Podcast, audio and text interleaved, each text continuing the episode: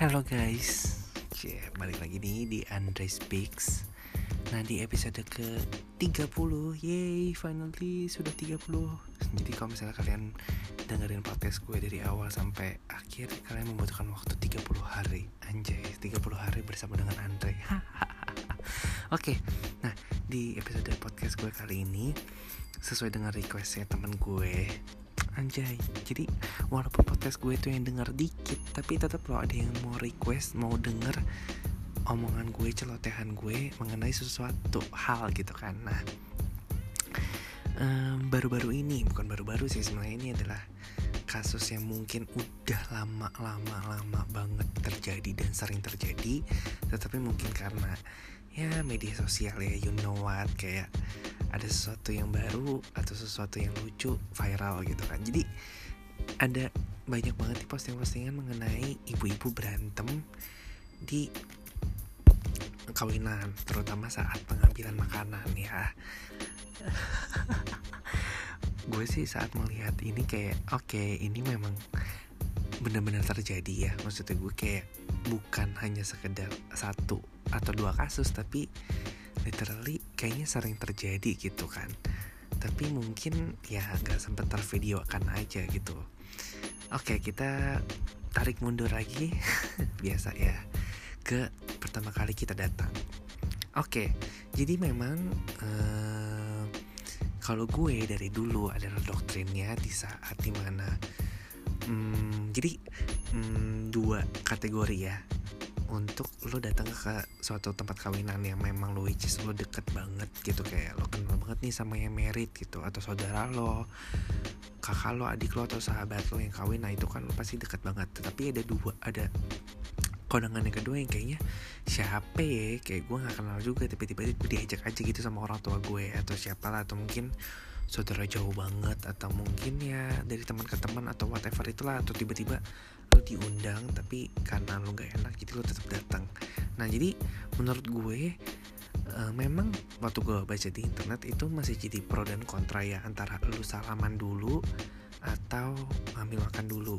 Tapi kalau gue eh, diajarkan bukan diajarkan ya tapi kayak habit gue lah setiap kali kekawinan itu memang kalau misalnya untuk yang deket itu biasanya which is gue salaman dulu. Habis salaman baru gue ngambil makan. Tapi itu jarang banget sih terjadi. Lebih banyaknya kayaknya kalau gue memang nggak deket-deket banget atau kayak ya udahlah kayaknya dia juga gak kenal gue gue gak kenal dia biasanya gue ngambil makan dulu. Kenapa? Alasan orang kayak ah udahlah salaman nanti nanti aja. Ya karena you know what kayak apalagi terutama kalau lo kawinannya di jam-jam krusial orang lapar like jam 7 itu kan kayak orang udah bener-bener lapar banget kan yang mungkin bisa kayak makannya jam 6 disuruh nunggu sampai jam 7 atau bahkan sampai setengah 8 biasanya baru mulai makan. Itu pasti kan perut manusia Indonesia udah mulai berkontraksi ya kayak udah mulai nendang-nendang udah mulai berbunyi-bunyi suara-suara yang gemuruh-gemuruh gimana. Jadi kan mereka pasti langsung pengennya makan gitu kan. Cari makanan cari tenda cari makanan yang mahal yang kayaknya kita jarang makan nih. Habis itu kita baru salaman. Tapi kan kalau kita di posisi sebagai keluarga atau orang yang merasakan merit kan kayaknya agak sedih ya kalau kita ngelihat tamu-tamu kita kok gak ada akhlaknya gitu ya. Maksudnya kok gak ada yang nyalamin kita di panggung sepi semuanya pada salah pada ngambil makanan duluan gitu kan.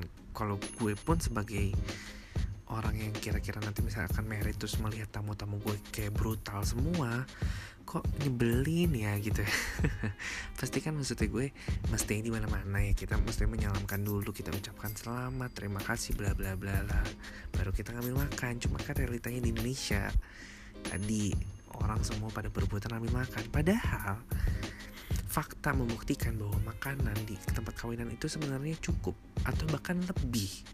Mostly ya balik lagi ke lebih ke budget masing-masing. Tuh apa si penyelenggara atau pihak yang buat pestanya. Kalau mereka emang mungkin low budget atau kayak pelit atau gimana ya mungkin makannya pas-pasan. Cuma eh, sepengalaman gue itu jarang banget kayak sat, sat, dua banding 10 mungkin kayak jadi ya jarang lah satu banding tiga lah satu dari tiga kawinan yang mungkin uh, bakal kurang. Itu pun sebenarnya hanya makanan tenda aja yang bisa cepet habis. Gitu kan? Gak tau sih in pengalaman gue memang untuk makanan prasmanan tuh pasti selalu masih ada biasanya.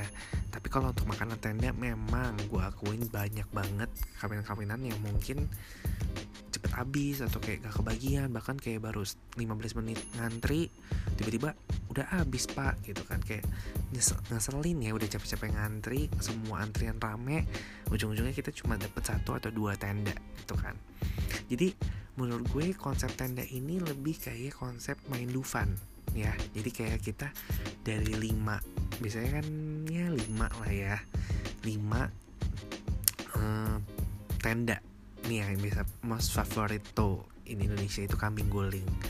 Karena which is kambing itu mahal mungkin ya jadi kayak semua orang berebutan untuk makan kambing. Habis itu biasanya kalau nanti kawinan gue itu ada sate ayam itu juga cukup rame ya, kayaknya biasanya itu berbau dagingnya atau mungkin kayak lontong cap gome terus es krim bahkan es krim aja tuh kadang suka habis loh.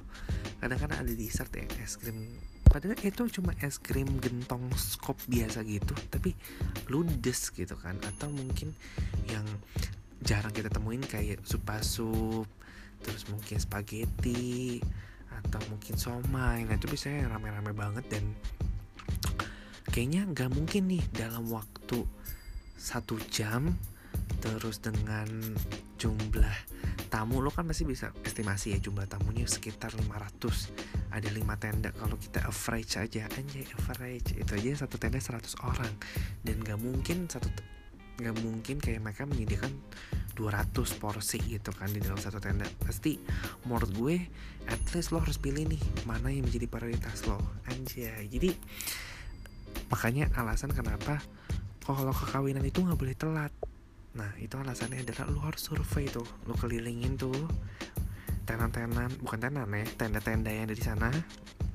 Kira-kira mana yang paling value added buat lo kan? Mana yang kira-kira wah gue harus coba nih gitu kan. Kayaknya ini menguntungkan bagi gue cuma kalau misalnya contoh lah kayak cuma nasi kuning apa nasi uduk atau nasi bakar ah kayaknya mainstream atau es krim atau apa yang mungkin ah biasa juga kita makan di luar itu kan. Jadi kayaknya itu mungkin di uh, skala prioritasnya rendah. Cuma kan kalau bisa daging atau yang kayaknya wah jarang nih kita makan seafood atau apa nah kita pasti bakal ngantri duluan. Dan itu memang pasti mayoritas antriannya akan rame super duper rame. Nah ini berbanding terbalik dengan prasmanan ya which is biasanya itu jumlahnya lebih banyak. Bisa jangan-jangan 5 tenda tadi digabungkan ke satu porsi prasmanan tuh. Jadi tenda cuma 100 orang nah mungkin prasmanan bisa 500 orang. Karena mungkin dari segi budget juga lebih murah ya sayang. Kayak satu mungkin itu lebih murah makanya mereka menyediakan porsi yang lebih banyak. Nah itu yang menyebabkan um, prasmanan itu jarang disentuh juga di awal-awal. Biasanya itu hanya untuk ya pemanis lah bagi tamu-tamu yang datangnya telat bagi yang pingin bungkus-bungkus makanan terus bagi yang cuma mau nambah-nambah lauk karena biasanya nasi itu pasti selalu sisa. Karena kita kan udah kekenyangan di but di tenda di tenda-tenda lain jadi kita kayaknya makan nasinya cuma dikit lauknya lebih banyak. Nah baik lagi nih kalau misalnya kita lagi ada di dalam antrian kambing guling. Contoh aja ya kita ambil example kambing guling. Itu pasti kita desek-desekan. Itu kan kayak oke okay, um, biasanya tuh gue inget banget sesi doa. Jadi habis sesi doa amin langsung semua zup gitu. Gila langsung bikin formasi baris membaris kan? Nah di sini uh, oke okay, hmm, formasi sudah sejajar atau kadang yang mem membingungkan adalah berliku-liku. Sampai kayaknya lah ini startnya dari mana ya? Ada yang mulai dari kiri ada yang mulai dari kanan. Jadi cabangnya banyak karena berliku-liku tadi ya. Jadi kadang pas udah nyampe ujung pas udah nyampe mau mendekati kok jadi dua baris gitu kan. Jadi kan kita jadi gak enak ya siapa duluan gitu kan lo apa gue? gitu kan. Kalau yang tahu diri ya mungkin ngasih ke yang lebih tua dulu gitu kan. Atau yang cewek dulu anak-anak dulu. Cuma kan kadang ada yang nggak punya akhlak jadi kayak ya udah cuek aja. Gue udah lapar gitu kan. Nah ini yang paling ngeselin adalah ini pengalaman gue banget gitu. Sering banget terjadi di kehidupan gue di depan mata gue. Atau jangan-jangan gue juga pernah melakukan itu sengaja maupun tidak disengaja ya. Jadi lagi asik-asik ngantri yang ngantri cuma satu orang ya. yeah. Tiba-tiba cuma sih misalnya cowoknya doang nih bapaknya atau pacarnya itu siapa lah tiba-tiba pas udah mau mendekati gerobaknya tendanya buh datang lima orang. Nyesek gak loh? Kayak apalagi kalau misalnya kita udah ngintip-ngintip nih waduh kambing gulungnya tinggal berapa potong? Cukup gak ya buat gue? Aduh gue pernah banget gue pernah banget. Itu kayak apa ya gue lupa deh something apa. Terus gue udah capek-capek ngantri nyampe sana kayaknya sate atau apa ya udah tinggal lontong sama bumbu kacangnya doang. Kesel nggak loh ya kesel sih kalau gue nangis minta pulang gue kayak anjir gue udah menghabiskan waktu gue 15 menit untuk ke tenda ini malah habis gitu kan. Nah itulah bagi orang-orang nih ya, yang suka-suka lo anterin dulu deh. Terus tiba-tiba pas udah nyampe deket tenda waduh nambah personilnya atau pura-pura ngomong-ngomong nih kayak hei apa kabar? Ya ampun ih udah makan apa aja? Terus kan kita kayak yaudah yuk, yuk sini masuk masuk antrian. Nambah lagi. Jadi kan kita otomatis mundur lagi. Ya kan? Padahal perut udah bunyi kayak udah mau makan orang mau makan orok eh tiba-tiba kok diserobot lagi secara halus ya. Itu menurutku serobot secara halus ya. Nah ini tadi banget barusan tadi banget gue hmm, apa namanya gue ngantri si futang ya. Jadi kan tadi gue kasih futang yang di cabang mohon maaf ini nggak di endorse sama si Futang walaupun gue suka banget sama si Futang ya. Jadi kan tadi si Futang itu ngantrinya itu nggak langsung depan kasirnya. Jadi kayak dikasih line sendiri nanti baru kita masuk ke kiosnya. Nah mungkin karena abang gojek ya gak tau sih dia pura-pura bego atau gak tahu. Tiba-tiba dia mau nyerobot aja tiba-tiba kan di tengah jalan dia nyerobot masuk langsung ke kasir entah gue doang atau mungkin jangan-jangan semua netizen menatap menyorot mata dia. Kayak oke okay, waduh ini mangsa besar nih. Ibaratnya kayak um, apa ya ular dikasih ayam. Ayam mentok gitu kan ayam montok. Nah langsung kita semua liatin dia. Mungkin kasirnya juga jadi gak enak. Akhirnya kasirnya bilang pak mohon maaf antrinya dari belakang ya seperti itulah ya. Jadi kadang juga kita cukup merasa kesal ya bagi orang-orang yang kayaknya nyerobot antrian nggak tahu diri. Nah ini kan balik lagi ya sama lagi ke ibu-ibu kayak gitu. Kayak udah capek-capek ngantri terus tiba-tiba diselak terus udah diselak ngambilnya lama. Ini juga ya jadi problema di uh, setiap antrian terutama untuk prasmanan. Karena prasmanan itu kan menunya banyak ya. Kayak dari nasi putih nasi goreng habis itu lauk ayam, daging, ikan, terus ada sayur, kerupuk, sambal, buah. Itu kan kadang kita mikirnya lama ya. Apalagi ibu-ibu atau kayak bawa anak kecilnya, terus tiba-tiba uh, dia mau makan apa? Mikir. 15 detik. Mm, mau ini enggak? Mm, mau ini enggak? Uh, mau nabu kita kan di belakang udah pada lapar ya. Ibu malah mikir kayak lagi mikir soal UN tenang bu makanan ini tidak ada yang salah gitu kan. Jika ibu mengambil makanan yang salah pun tinggal ibu tinggal ibu makan atau ibu kasih ke orang lain atau ibu buang gitu kan. Nah balik lagi kadang gue di momen aduh udah lapar banget. Terus depan gue ibu-ibunya mikir kayak lagi SBMPTN ini tenang kalau salah atau bener nggak ada yang salah bu ya. Jadi kadang gue suka kesel kalau udahlah bu ambil aja gitu loh. Udah bu ibu kan bisa lihat dari jauh nih kira-kira apa nih yang mau ibu ambil gitu. Jadi jangan pas udah nyampe depan makanannya ibu mikir gue mau ngambil gak ya? Loadingnya lama ya. Terus udah loadingnya lama ngambil porsinya juga nggak kira-kira. Kadang saya daging contoh ngambil banyak banget. Buset mohon maaf bu di belakang masih ada orang. Masa orang cuma makan kuahnya doang? Ini kan karena suka sedih ya. Jadi dan sangat disayangkan banget. Gue gak ngerti kenapa di setiap kawinan kita tuh merasa bahwa uh, makanan itu membazir atau kayak berlimpah ruah. Padahal menurut gue masih banyak orang-orang yang mungkin belum makan di belakang kita. Jadi kadang tuh ngambil banyak banget ujung-ujungnya dibuang. Ini sering banget atau bahkan lu survei aja ke semua tempat kawinan pasti sama. Kayak pasti di piring kotornya di meja kotornya itu pasti masih ada makanan. At least satu dua potong daging atau apa itu masih ada pasti. Iya kan? Jarang banget yang sampai ludes bersih makanya gue kadang kalau misalnya ke tenda diambil sesendok atau dua sendok kadang gue bilang stop kayak udah pak cukup kok saya cuma mau tiga tusuk atau saya cuma mau lima piece atau mau berapa piece gitu. Jadi gak wasting juga gitu kan kasihan orang-orang di luar sana. Atau mungkin tadi ya balik lagi ke si penyelenggaranya apakah mereka menyediakan makanan yang berlebihan atau enggak gitu. Jadi ya inilah ya budaya mengantri itu kan memang sudah dari zaman dulu menurut gue sudah diajarkan baik lu di tempat umum ngantri busway, ngantri toilet, ngantri apa pun juga tetap harus ngantri. Jadi kalaupun lo makan, walaupun makanan yang berlimpah ruah, seenak apa pun ya lo budaya kan mengantri. Jangan sampai lo nyelak sana sini kayak nggak punya etika. Itu satu ya etika mengantri. Ada juga etika membungkus.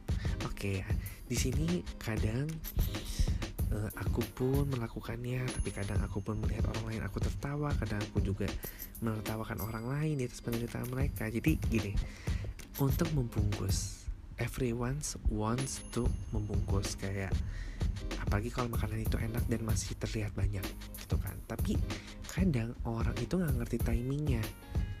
Satu timingnya itu paling krusial dong. Kalau misalnya memang itu masih di awal-awal jam makan atau tamu-tamu masih ngambil masa lu ngambil duluan? Kan lu malu dong maksudnya gue adalah bungkus itu di persepsi gue atau di pemikiran gue adalah bungkus itu adalah saat makanan itu sudah sangat-sangat berlebih saat semua orang sudah merasa kenyang atau sudah apa ya semua orang udah nyobain itu gitu loh. Dan itu ada sisa yang berlebih baru lo boleh bawa pulang itu pun di last minute setelah acara selesai. Jadi kalau bisa kan kawin itu jam 7 sampai jam 9 ya yang krusial. Ya mungkin at least lo bungkus itu start from setengah 9 atau lo lihat nih kayak tamu-tamunya udah pada selesai makan nah mungkin bagi anda yang ingin membungkus boleh. Tapi nggak di tengah-tengah orang lagi ngambil orang lagi ngantri banyak lebar lo ngebungkus kan ngeselin ya. Maksudnya orang di belakangmu masih ada yang mau makan loh. Tapi kalau malah ngebungkus gitu kan. Dan ngebungkus pun gak kira-kira gitu. Ada yang bahkan udah bawa tempat sendiri gitu ada yang bawa plastik sendiri atau bahkan ada yang minta plastik sama tukang cateringnya. Kayak mas minta plastik dong. Karena memang setahu gue pihak keluarga itu saudara pasti biasanya ada sesi bungkus-bungkus di akhir acara makanya memang pasti si pihak catering pun uh, menyiapkan bungkusan plastik tersebut gitu. Tapi kan timingnya nggak in the middle of acara kan tapi kan after udah mau selesai terus ada yang baru dibungkus. Nah terus abis itu ini nyokap gue nih kocak banget ya astagfirullah. Setiap kali dia mau bungkus gue adalah jadi tameng ya. Karena badan gue sedikit lebih besar dibandingkan badan dia. Jadi gue kadang disuruh menutupi aib-aib dia saat membungkus makanan. Jadi bagi kalian ya yang badannya badannya gembrot gitu atau tinggi atau gede ya pasti kalian pernah merasakan kan jadi gue di saat orang tua kalian pengen membungkus makanan tapi malu jadi akhirnya anda yang disuruh ambil sendiri eh disuruh menutupi atau bahkan ya gue pernah juga kayak udah tadi mama udah ngambil itu jadi kamu ambil lagi karena itu enak. Ngantri lagi jadi gue padahal tadi perasaan gue udah ke tenda itu tapi karena mau bungkus bawa pulang balik lagi. Takutnya tukang cateringnya hafal ya. Perasaan tadi yang pakai baju biru udah ngantri nih tapi kok ngantri lagi gitu kan. Jadi kadang suka ada rasa malu di situ ya. Terus ada juga yang ngebungkusnya eh, barang-barang yang menurut gue tidak harusnya dibawa pulang. Contoh sendok garpu gelas. Ini sering banget nih terutama gelas lo tau gak sih kalau misalnya di kue-kue kecil atau di puding-puding itu kan kadang ada yang tempatnya gelas kan gelas mini gelas gitu. Tahu kan? Please kalian harus tahu ya. Ya tahu kan? Tahu dong mereka kan pasti ke sana kekawinannya jadi kan bisa tempat kue atau tempat puding itu ada yang mang ada gelasnya kecil atau mangkok kecil. Nah saking gak ada tempat ya nyokap gue pernah bawa tuh tuh piring tuh mangkok tuh gelas yang kecil-kecil buat tempat kue. Dalam hati gue kasihan banget itu kan cateringnya ya. Kalau misalnya sampai dihitung stok perasaan yang keluar tadi 500 gelas kok yang balik cuma 498 gitu kan. Duanya dari nyokap gue jangan-jangan. Tapi kan mungkin nggak cuma nyokap gue ya. Jadi mungkin ada orang-orang lain yang mungkin mau bawa pulang puding atau ini kan ribet ya dituang atau mungkin nggak bisa pakai tisu dong. Kalau kayak puding kue itu nanti kan mereka benyek atau nempel di tisu atau gimana jadi kan mereka mungkin udahlah langsung aja ambil gelasnya. Nah ini kan kasihan ya bagi pihak cateringnya dan pihak karyawannya. Jangan-jangan nanti karyawannya ganti rugi kan kasihan juga ya gajinya nggak seberapa capeknya luar biasa. Terus masih mesti ganti rugi gelas hilang. Nah ini kan yang menurut gue etika-etika yang harusnya ya udahlah ya bu makan di tempat itu udah cukup kenyang ya sudah lah bungkus juga secukupnya aja. Jangan sampai barbar banget kayak orang nggak pernah makan kayak di rumahnya ngalahin keluarga halilintar yang mungkin anggota keluarganya 12, 15, 20 jadi kayak di rumah butuh makanan banyak kan nggak juga ya. Terus ini terakhir banget. Ya kalian juga kalau mau bungkus udah tahu ya ini kadang juga ya yang diundang cuma keluarga A. Terus datang sama anaknya, cucunya, cicitnya, omnya, tante, kakek, nenek semua diundang. Mohon maaf bu, ibu lagi mau silaturahmi atau mau kekawinan orang. Ini kadang gue juga mengalami bukan mengalami melihat sendiri ya. Atau jangan untuk gue merit ada yang seperti itu. Jadi yang diundang cuma keluarga inti tiba-tiba kok nambah ya? Nambahnya kira-kira ya nambah satu dua orang ya? Oke okay lah. Nambah bisa lima orang lah. Ibu mau reuni keluarga di sini itu gimana gitu kan? Kamu kan acara ibu gitu kan? Udah udah kayak gitu. Apa? Personilnya banyak. Eh ngasih angpaunya astagfirullahaladzim dikit banget mohon maaf ya bu ya. Sekarang aja kita sekali makan taruh lah 30 ribu. Dikali 5 aja 150 ribu bu. Masa ibu ngasihnya cuma 20 ribu 10 ribu? Memang. Ya apa amplop itu angpau itu tidak bersifat wajib ya dan gak ada hu hukumnya untuk minimalnya ngasih berapa. Tapi kan sebagai manusia yang ber etika, punya logika, punya akal pikir lo pasti kan gak enak dong masa kita ngasih 30 ribu ngajaknya berlima. Jadi kalau 30 ribu bagi 5 cuma 6 ribu dong seporsi ibu udah makan all you can eat. Ya berasa kan kita kadang konsep kan mindsetnya ya kalau kekawinan orang kan all you can eat ya jadi sengaja gak makan pas nyampe sana biar makannya banyak. Masa ibu cuma bayar 6 ribu bu? Kalah dong pecel lele pecel lele aja 15 ribu kan? Nah terus yang lebih parah ini di kawinan kakak gue juga bahkan ada yang ngasih amplop kosong. Ya kan mohon maaf bapak akhlaknya di mana? Ya mau numpang makan gratis ya. Gitu kan. Jadi kan kasihan bagi yang penyelenggara ya bagi pihak yang udah mensponsori yang udah ngeluarin biaya kok nggak ada effortnya walaupun makanannya memang berlebih sih ujung-ujungnya. Cuma kan kita juga sebagai tamu manusia pasti nggak mau dong kawinan kita juga didatengin sama orang-orang bodong yang cuma pengen makan gratis. Makanya nanti mungkin kalau gue kawin harus pada pakai scan barcode ya. Jadi yang masuk cuma boleh satu orang atau udah ditetapin di awal. Jadi biar gak banyak orang-orang bodong yang cuma pengen makan gratis all you can eat barbar nggak tahu antrian malah bikin keributan. Gue juga sedih banget sih kalau tiba-tiba di kawinan gue. Ada yang berantem kayak gitu waduh gue bakal gue pasti bakal langsung ngerebut mic dan gue langsung bilang stop ibu. Stop. Tenang ibu akan saya bungkus sih spesial buat ibu kalau perlu plus goodie bag. Nanti gue siapin buat dia. Oke deh kayaknya sekian ya. Gila gue ngebahas soal ibu-ibu soal bungkus-bungkus makanan aja 24 menit loh hampir 25 menit. So demikian podcast gue kali ini.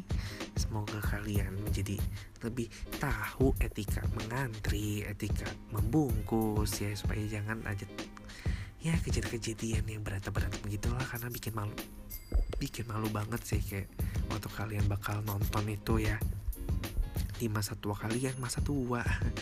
Saat pulang mungkin atau gimana pasti kalian akan malu sih kayak anjing buat apa gue berantem cuma buat ngebungkus daging rendang? Oke deh see you on next podcast. Bye bye